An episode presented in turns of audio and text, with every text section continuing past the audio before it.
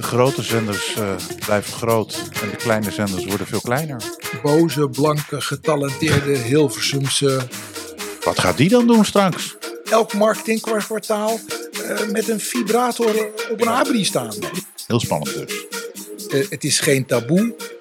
Ik vind het nieuwstafel het meest interessant. Le play.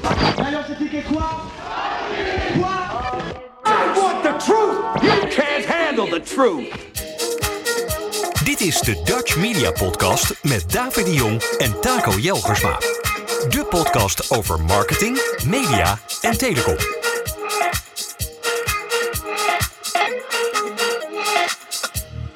Hallo, het is 20 februari 2023. Dit is Dutch Media Podcast. Vandaag over de frequentieverdeling. Hoe gaat dat eruit zien? Over Sky Showtime. Over respectvol samenwerken en het Mediapact dat gesloten is. Over seksspeeltjes en over een digitale reclame joint venture van grote telecompartijen. Goedemiddag zijn wij terwijl we dit opnemen. Uh, we gaan beginnen met spreken over de frequentieverdeling. Er komt een veiling aan, dat is onlangs aangekondigd. Het is eigenlijk een pure veiling. Um, er zullen alleen clausuleringen plaats uh, vinden voor nieuws en Nederlandstalige muziek. Op 17 augustus zal er pas duidelijkheid zijn hoe het verder gaat in Radioland. Want dan is pas bekend uh, wie wat heeft gewonnen, kan je zeggen. Um, en de overheid wil minimaal 73,7 miljoen euro binnenharken. En wat we ook inmiddels weten, FM blijft aan tot 2035. Dat is ook de looptijd van de vergunningen vanaf 1 september. Heel spannend dus. Uh, zeker in het licht van de nieuwe luistercijfers. Die we ook tegelijk, min of meer tegelijkertijd gekregen hebben. Ja, die hebben we een paar weken geleden gekregen. Um, dat heeft nogal impact gehad. En tegelijkertijd uh, moet iedereen zich nu gaan voorbereiden, als je tenminste radiopartij bent en je wil verder, op de toekomst van je eigen frequenties. Heeft niemand bedacht dat hij misschien een goed idee was om dat nieuwe meetonderzoek uit te stellen? Ik heb het niet gehoord. Het is heel interessant, want dat hele luisteronderzoek, dat is ongeveer een soort revolutie. De werkelijkheid blijkt dan wel anders te zijn. En er was niemand die toen misschien, althans, het voor elkaar gekregen heeft van weet je wat, laten we even een jaar wachten, want ja, kun je even, alles gaat op de schop. Kun je even voor de luisteraar duiden in hoeverre blijkt dat de oude manier van luistercijfers meten, wat we deden op basis van dagboekjes, van respondenten, hoe die afwijkt van hoe we het nu in de elektronische zin doen? Ja, nu is het een passief luisteronderzoek. Dus dat betekent dat een mobiel die meet wat je aan hebt staan en dat wordt gerapporteerd. En vroeger was het een herinneringsonderzoek waarbij je aan het eind van de dag moest invullen van wanneer heb ik waar naar geluisterd. En wat zijn de drie meest schokkende conclusies die we inmiddels getrokken hebben? De grote zenders uh, blijven groot en de kleine zenders worden veel kleiner. Dat... En, en, en heel belangrijk ook, vergeet ik even, we luisteren allemaal veel minder radio dan we eerst dachten. Dus ja, en substantieel minder hè? Ja, het is iets meer dan een uur tegenover uit mijn hoofd twee uur of zo. Om dat in de financiële zin op te vangen, hebben, hebben we voor adverteerders de zogenaamde transitieindex bedacht. Ja. Maar de vraag is dus even, als je nu in een veiling met complexe voorwaarden moet gaan bieden op een FM-frequentie voor 12 jaar, terwijl je eigenlijk je hele verdienmodel of de manier waarop je je output meet, die je, die je vervolgens aan adverteerders verkoopt, dat die sinds een paar weken volstrekt anders is dan jij en je klanten de adverteerders ooit gedacht hebben. Radiostations moeten ons anders doen geloven. Mediabureaus, althans de vertegenwoordiger, probeert dat ook te over te... Het is niks veranderd, het is hetzelfde. We hebben gewoon een transitie, alleen het wordt anders gerapporteerd. Dat is wat ze dan zeggen. Wat me wel opvalt is, de Ster heeft... Uh, heeft inmiddels aangekondigd dat ze hun tarieven anders gaan, gaan doen. Want vroeger was het per kwartaal. Ze gaan het per maand doen. Dus dat is, de eerste is al over de, is, is al over de brug, zeg maar, om dat toch te veranderen. De manier waarop ze tarieven maken. Er is natuurlijk publiek omroep. Die hebben sowieso frequenties die hoeven niet mee te doen, mee te doen aan de veiling. Eén ding is zeker, die blijven bestaan. Die blijven... ja. Dat het samengevallen is, is, is natuurlijk gewoon puur toeval. Ja, niet helemaal, maar... Bedoel, men heeft bewust geprobeerd om te. Misschien zijn al die lobby's verkeerd gegaan. Die men heeft gepleegd. En men heeft totaal verkeerde inschattingen gemaakt, misschien. Want ook als je ziet wat die lobby voor deze verdeling. Ik verbaas me erover hoe dat gegaan is. Allemaal stil, allemaal zogenaamde stille diplomatie. En ondertussen gebeuren er wel dingen die voor bepaalde partijen niet zo leuk zijn. Talpa Network moet in ieder geval met één station minder als ze de verveiling winnen. Met drie partijen, met drie stations. Ja. Ze hebben er nu vier.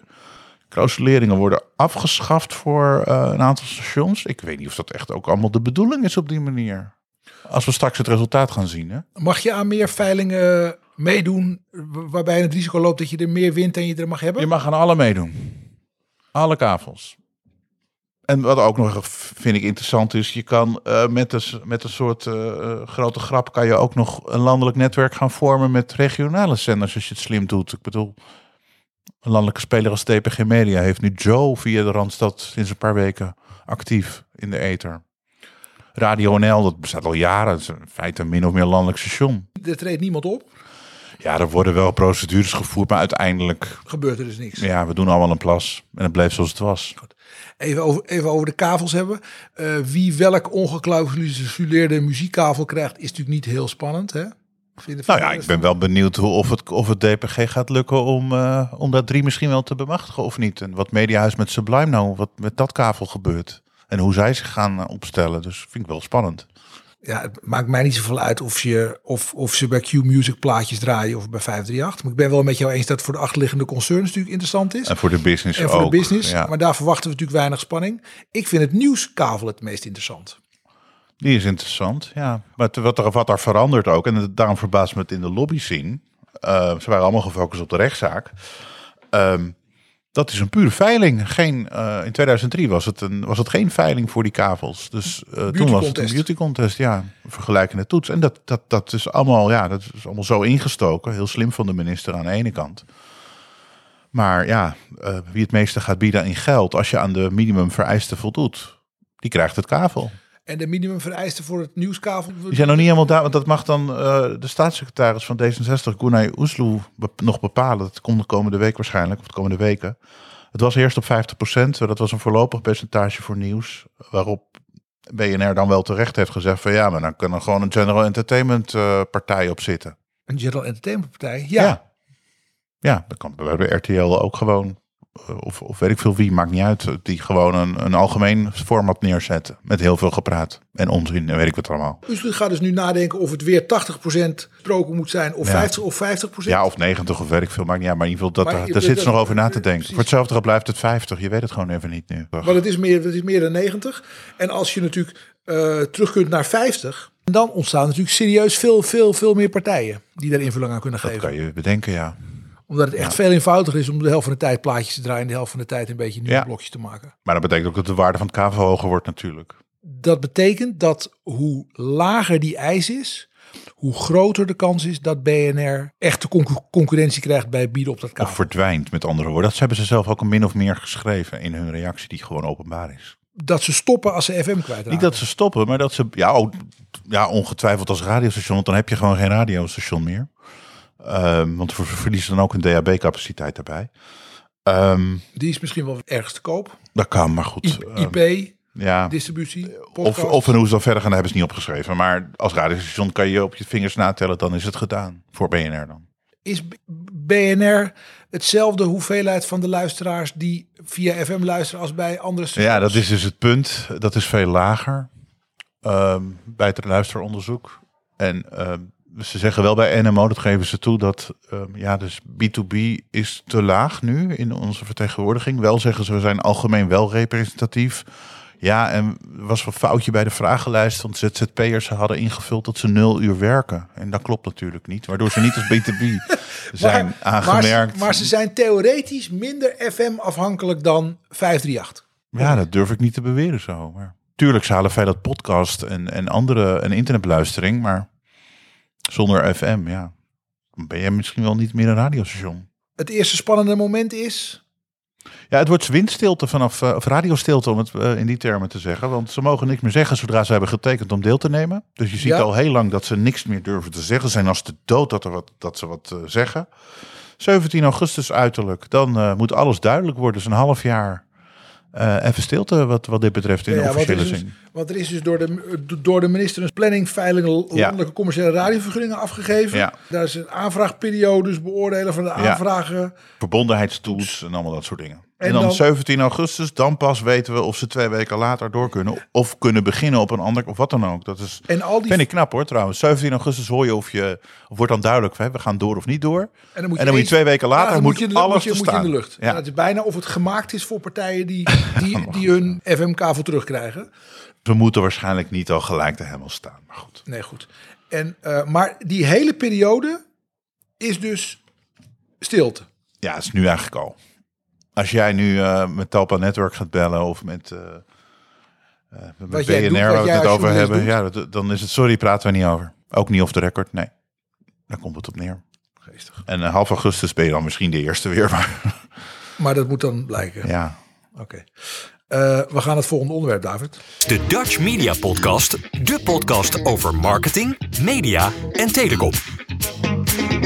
Sky Showtime die eh, heeft eh, de Europese uitrol voltooid. Sky Showtime is de samenwerking tussen Comcast en Paramount, waar, Ja. waar die beide partijen zeg maar niet actief zijn met eigen proposities.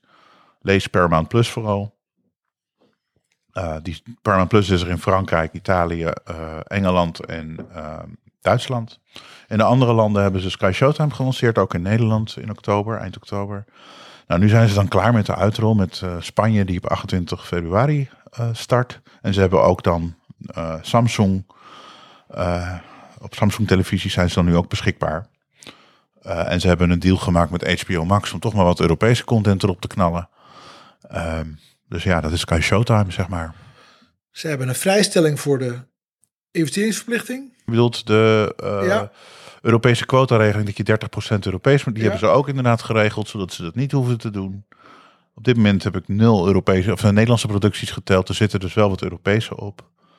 Ehm, het is naar mijn idee vooral een product waarbij ze de grote Amerikaanse eh, producties van Paramount en, en, en Universal hier droppen. Ja. En wat verkooploketten. Eh, ehm, ja, en op die manier geld verdienen.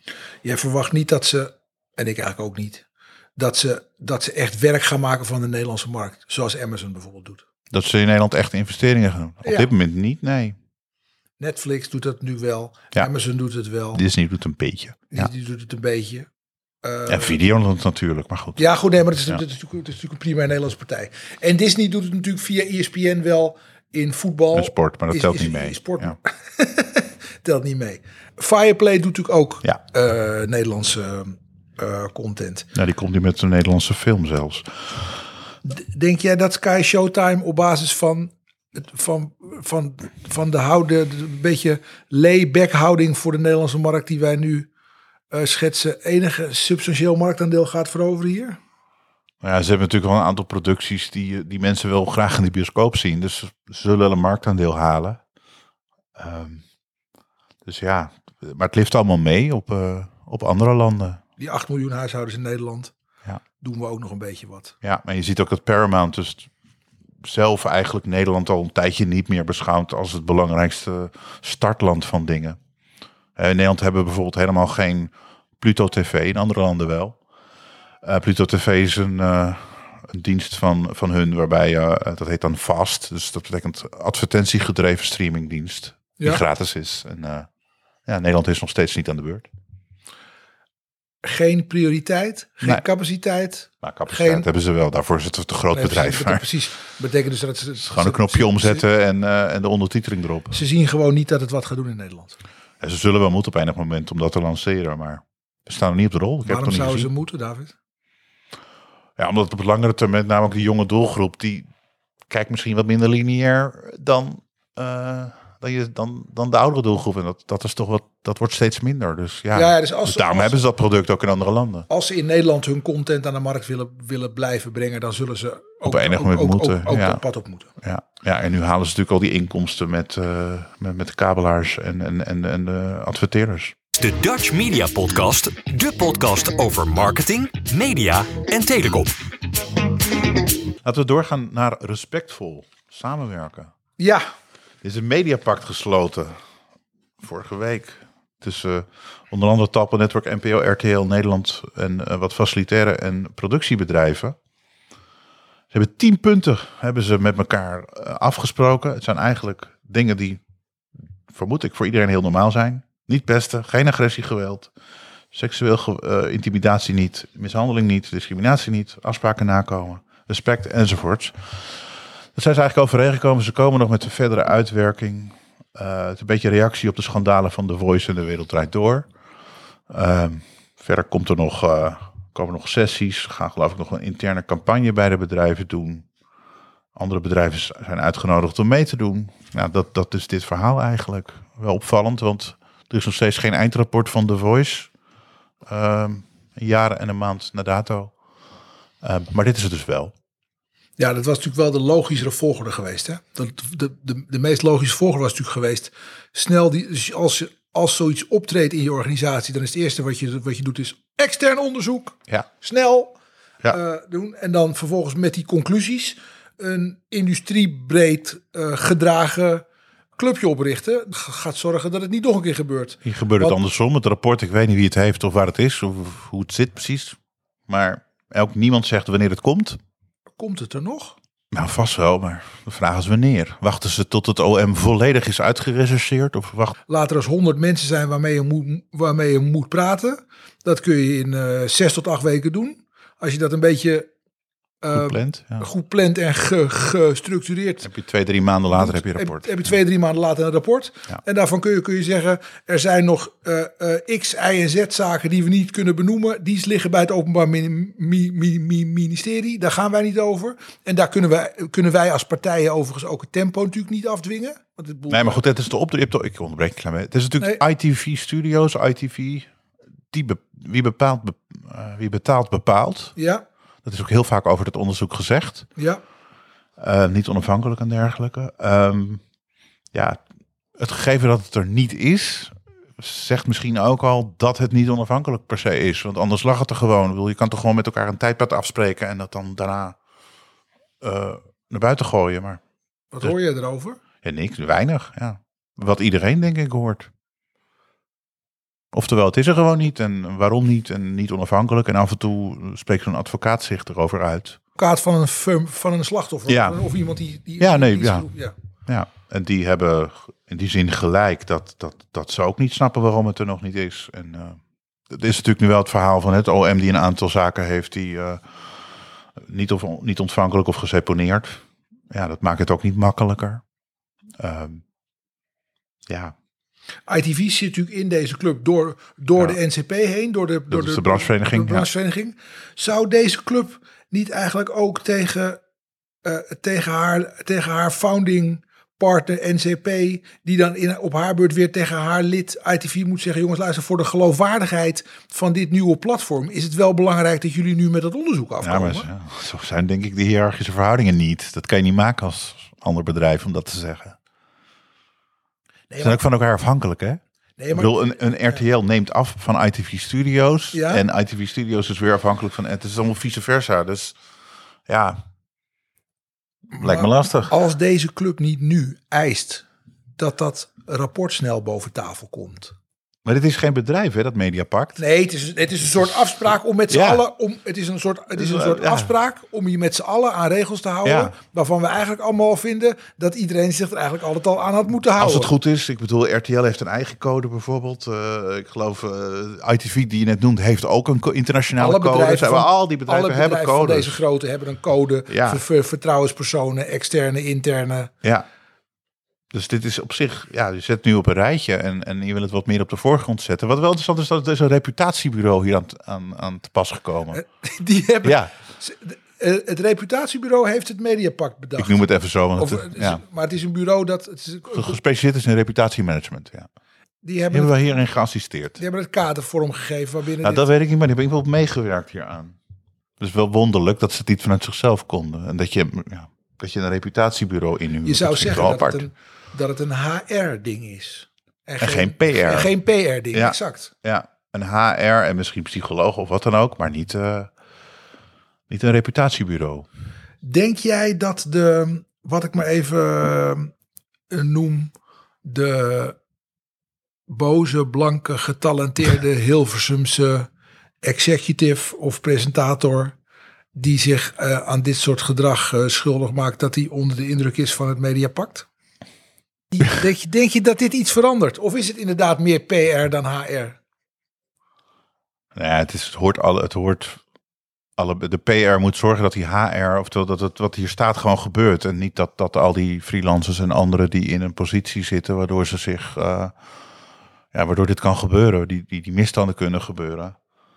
Ehm, ja, dit hoort, al, dit hoort al standaard te zijn. Dus, dus die boze man, of het nou wit is of zwart, dat maakt niet zoveel uit. Nee. Maar dat hij boos kan worden en iemand zo onder druk kan zetten dat hij aan nog doorgaat, dat wordt sowieso niet. Klaar.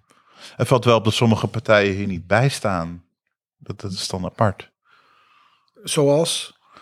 Nou ja, je, je, we gaan het straks ook nog even over de datakluis hebben. Ja. Maar de telecompartijen staan hier niet bij, die soms ook met media actief zijn. De internationale mediapartijen, die ook met media actief zijn, staan hier niet bij. Ziggo Sport, Ja, eh, eh, Fireplay, die eigen studio's en productieafdelingen. eh, heeft- Paramount, Paramount. staan hier niet bij. Ik heb trouwens wel voor de grap een fo- eh, foto van zich al gevraagd. Ja, nee, natuurlijk ondersteunen we het. Als er nieuws is, hoort, hoor je het weer. Maar vervolgens dacht ik, wacht even. Tuurlijk ondersteun je het. Maar jullie doen niet mee met Morris, wat al een tijdje bestaat. Het meldpunt voor, Ja, voor ja. daar doen ze niet aan mee. Maar is, kijk, kijk, iedereen is natuurlijk voor wereldvrede. Hè? Het is een soort, het is een soort doel waarvan je niet, waarvan je, als je door journalist David de Jong gebeld wordt, ga je niet zeggen dat je tegen bent. En Nou, dat weet geldt, ik wel. Er weten wel een paar mensen te noemen die dat niet, niet zo zien hoor. Maar, en dat geldt hier ook voor.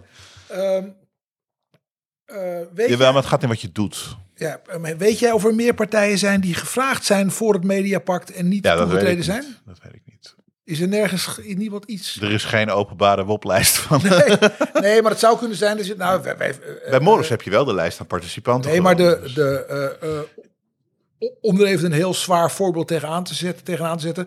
De Amerikaanse regering Ja, heeft, neemt, heeft heel bewust niet deelgenomen of erkent het internationaal strafhof niet. Nee. Ze hebben ze ook eens luister, Ja. om die en die reden Ja. vinden wij dat we dat niet kunnen doen. Nee. Die partij hebben we hier niet, eh, hebben we hier niet getro- hebben we hier geen partij getroffen die luister, eh, wij hebben het zelf prima op orde. Wij vonden Nee. dat het niet kon en wij gaan niet Nee.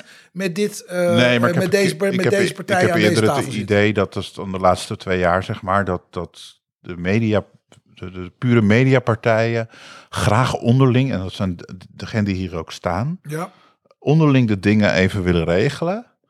Ehm, en dan, ja, dan, dan vallen er wel eens partijen, worden dan misschien niet in eerste instantie gevraagd. Ik bedoel, Mediahuis, DPG Media staan hier ook niet bij. Dat is ook apart. Waarom zou dit alleen maar bij RTV, of bij, met name tv gaat het hier om spelen? Alsof dat op een krantenredactie niet zou spelen, kunnen spelen. Of bij Q-Music. En sterker nog, het speelt ook. Het heeft Het- ook het gespeeld bij. Ja. Dus, dus in die zin mag het wel wat breder. Dat is mijn kritiek eigenlijk dan, of commentaar. Ehm, ik ben erg benieuwd of, de, of het Mediapact binnenkort druk gaat zetten op het naar buiten komen van het eh Ja, dat denk ik niet. voice onderzoek. Dat denk ik niet. Maar goed. goed. Ehm, Ligt in Londen die beslissing, denk ik zelfs. ja, dat zou goed, dat, zou goed kunnen, ja. Hey, maar we gaan door aan gewenst, eh eh, we wil ik bijna zeggen, gewenst seksueel gedrag. De Dutch Media Podcast, de podcast over marketing, media en telecom. Want eh, de Linda, dat is een blad wat onderdeel is van Talpa Network sinds een tijdje. Ehm, van naamgever eh, Linda de Mol. Ehm, ja, die kwam in ene met een seksspeeltjeslijn op de markt. Ehm, en uitgebreid aandacht in het laatste nummer van de Linda. En dan denk je van, wat is, dit is toch een beetje buiten je eigen branche, zullen we zeggen. Als je een, een, een, een levensstijlblad maakt voor vrouwen. En dan kijk je naar de oplage en dan zie je van ja, de laatste meting was 196 eh, 169.000 aan geprinte oplagen. Dat was 233 in 2016. Vorig, het jaar daarvoor was het eh, 175, zeg maar, 2021. Nu zie je natuurlijk in de algehele lijn dat alle geprinte bladen allemaal naar beneden gaan. Ja, misschien Omroep Max uitgezonderd, die een wat oudere doelgroep bedient. Ja, Ehm, groeit. maar dan kom je met ja, seksspeeltjes als waren het de revolutie waarom iedereen het moet kopen. Het blad. En eh, met op de Linda om meer omzet te maken. Ja, hoe, wat is hier aan de hand? Natuurlijk, Linda de Mol ligt onder vuur Wij al een hele tijd. Vanwege haar te zaakjes ex-partner. ja, Ehm, dus uit, dat, uit, zij- het, uit het onderzoek van het vorige onderwerp. ja, Ehm, en nu dan eh, gaat het misschien ook wat minder met dit blad. Wat is er aan de hand? Weet jij het? Nou, ik weet niet wat er met het, wat, met het, wat er met het blad aan de hand is. Ik Met het denk- merk, we met het zo ik- zeggen. Ik denk wel dat, dat dit soort, in, in, in, de, in de business zin, dit soort bewegingen geen teken van, van kracht zijn.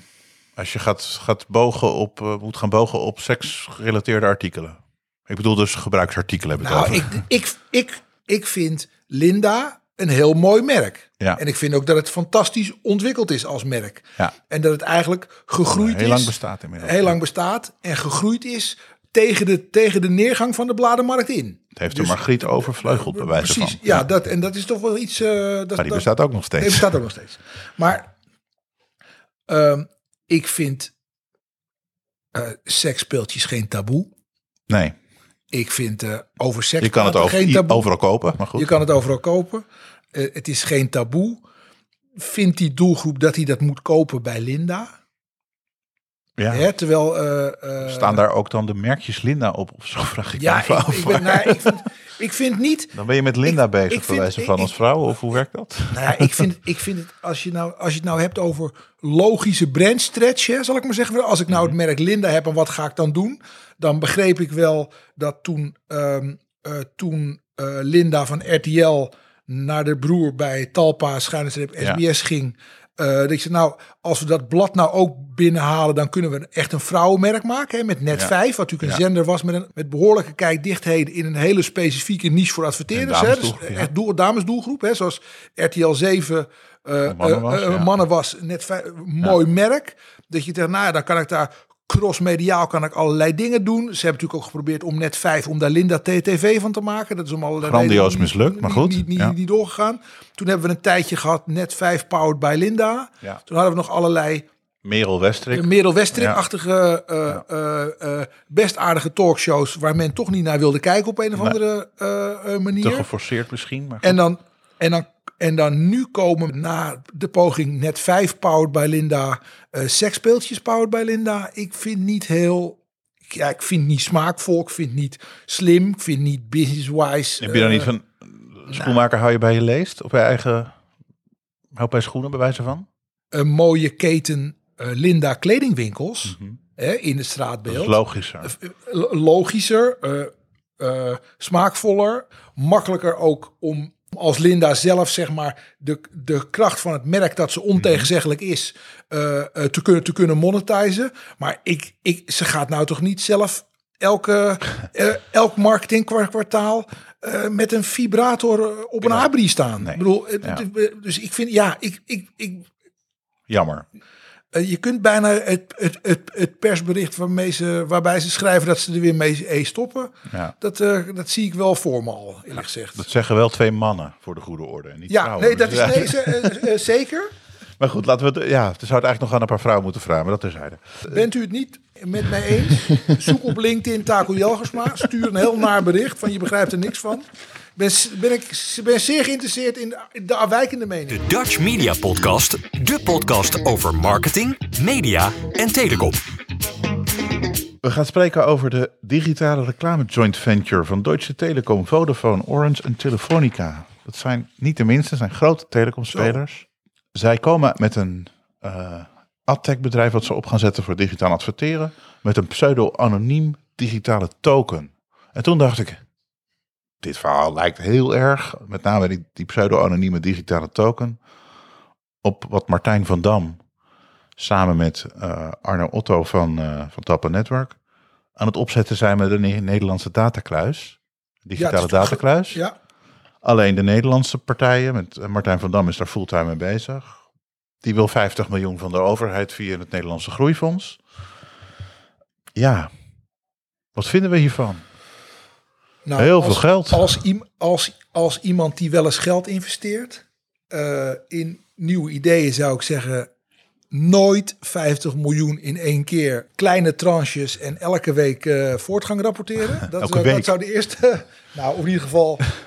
Ik chargeer het een beetje. Ja, maar ik was met vakantie een week, Elke, ja. elke- in ieder geval elke, elke maand. Clubs waar de overheid dit soort bedragen in stopt. Waarbij het eigenlijk al tijdens presentaties heel eerlijk gezegd wordt... we weten niet precies waar het uitkomt. Het zou ook wel niks kunnen worden. Maar Daar zijn ze wel heel erg leuk open over, vind ik. Ja. Dat, dat is wel charmant. Denk ik dat allerlei samenwerkingen die er nu ontstaan... die allemaal eigenlijk ontstaan vanuit de angst voor het spook... Google, Facebook, eh, Amazon, hè, zeg maar Ja. Big Tech in Apple ook, Amerika. ja. Apple, Big Tech, die alles maar van, van ons weten. En eh, er zijn in allerlei landen allerlei initiatieven voor eh datakluizen, beschermingstools, regulering. En wij gaan dan in Nederland met 8 miljoen eh, huishoudens 50 miljoen overheidsgeld uitgeven om iets uit te vinden waarvan we eigenlijk nog niet precies weten wat het is. En ik vraag mij Nou, of wel elders bestaat. of al elders bestaat, of in een ander land beter wordt uitgevonden straks. In België zijn natuurlijk, zijn natuurlijk ook initiatieven die al, al in de testfase zijn. Ja. Het is natuurlijk gekomen vanuit de behoefte om te concurreren met andere partijen. Dat betekent dat er is nu een soort van maatschappelijke eh, doel aangekoppeld. Hè. Zeggen we hebben, we hebben een belang bij om de individuele consument te, te beschermen. Maar eigenlijk willen die partijen die natuurlijk aan de basis staan van die datakluis eh, eh, stichting, dat zijn de partijen die eigenlijk zelf graag zouden willen eh, wat die grote Amerikaanse partijen allemaal En doen. het interessante natuurlijk- vind ik ook dat hier mediapartijen zitten hierin, maar de telecompartijen niet. En interessant is, waarom zitten die hier niet bij? Nou, je ziet hier dat, omdat het ook concurrentie is. ja, maar je ziet hier dat die vier grote telecompartijen zelf aan de slag gaan. ja. En alleen Vodafone is met haar 50% belang in Vodafone Ziggo in Nederland actief, de Ja. andere niet. Wat gaat die dan doen straks? Dat zal wel heel belangrijk zijn hiervoor. Want die kunnen, want deze vier hebben nu al gezegd bij de toestemming van de Europese Commissie, elke partij kan aanhaken bij dit initiatief wat wij hebben genomen. Ze zijn al begonnen met proeven in Duitsland.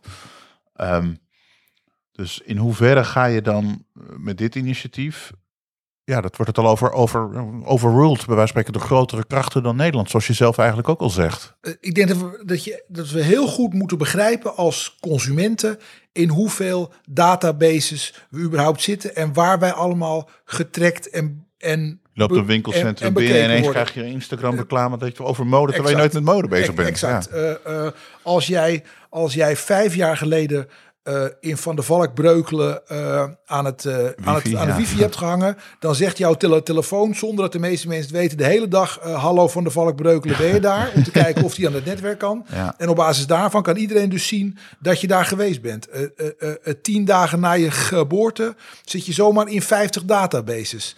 Dus de rol van de overheid zou misschien niet moeten zijn om hier heel veel geld in te investeren, maar om gewoon simpelweg regels te maken en op die manier de publieke belangen te borgen.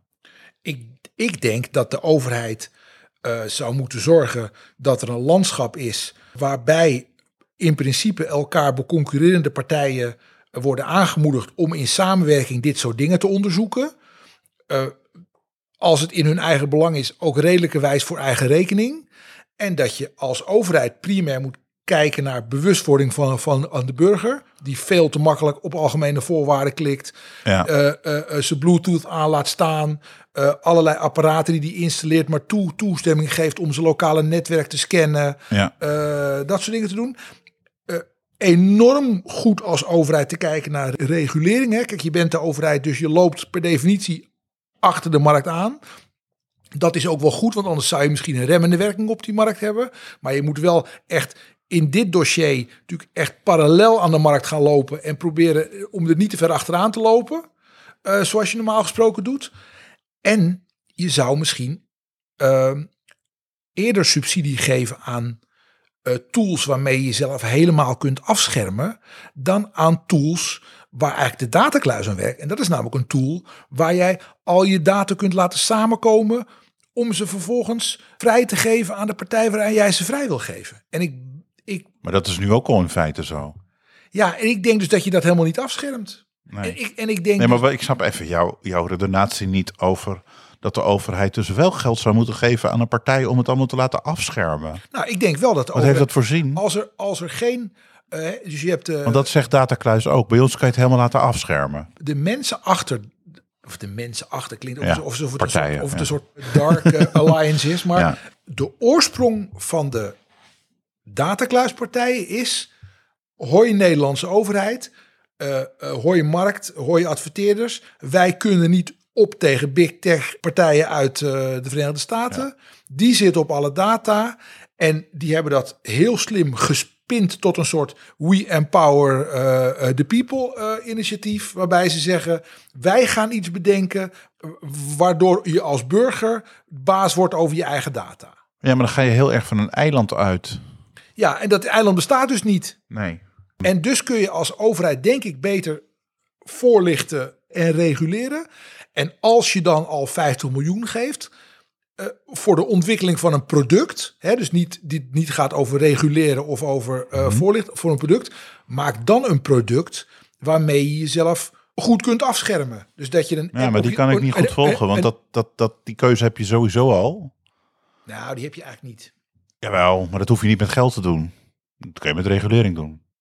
Waarom heb je geld voor nodig? Je, je kan altijd nee klikken bij de cookies. En je kan overal, uiteindelijk kan het wel. Het is wat ingewikkelder, maar dat kan je simpeler maken door met regels. Hoef je geen geld voor te geven, denk ik. Nee, ben ik wel met jou eens. Maar een mooier eh, Nord Stream VPN pro, pro, pro- pro- product. Ja, of een nee-sticker. Of, eh, eh, precies. Ja, of een nee-sticker dan een product is. Maar Dat is een product, ja. Als jij een digitale nee-sticker Nou, weet te nou, verzinnen, wat simpel ja. is, waardoor je niet Nou, continu hoeft nee ex- te klikken. ex- dat dat nou zou ja, leuk zijn. maar dat zou, dat, dat zou dus een technologische oplossing ja, zijn. ja, we hebben bij deze de digitale nee-sticker uitgevonden. De digitale nee-sticker. Waarom is er geen digitale nee-sticker? Ja, goeie. Ja, ja, ja. Belangen. Commerciële belangen, denk ik. Dat denk ik ook.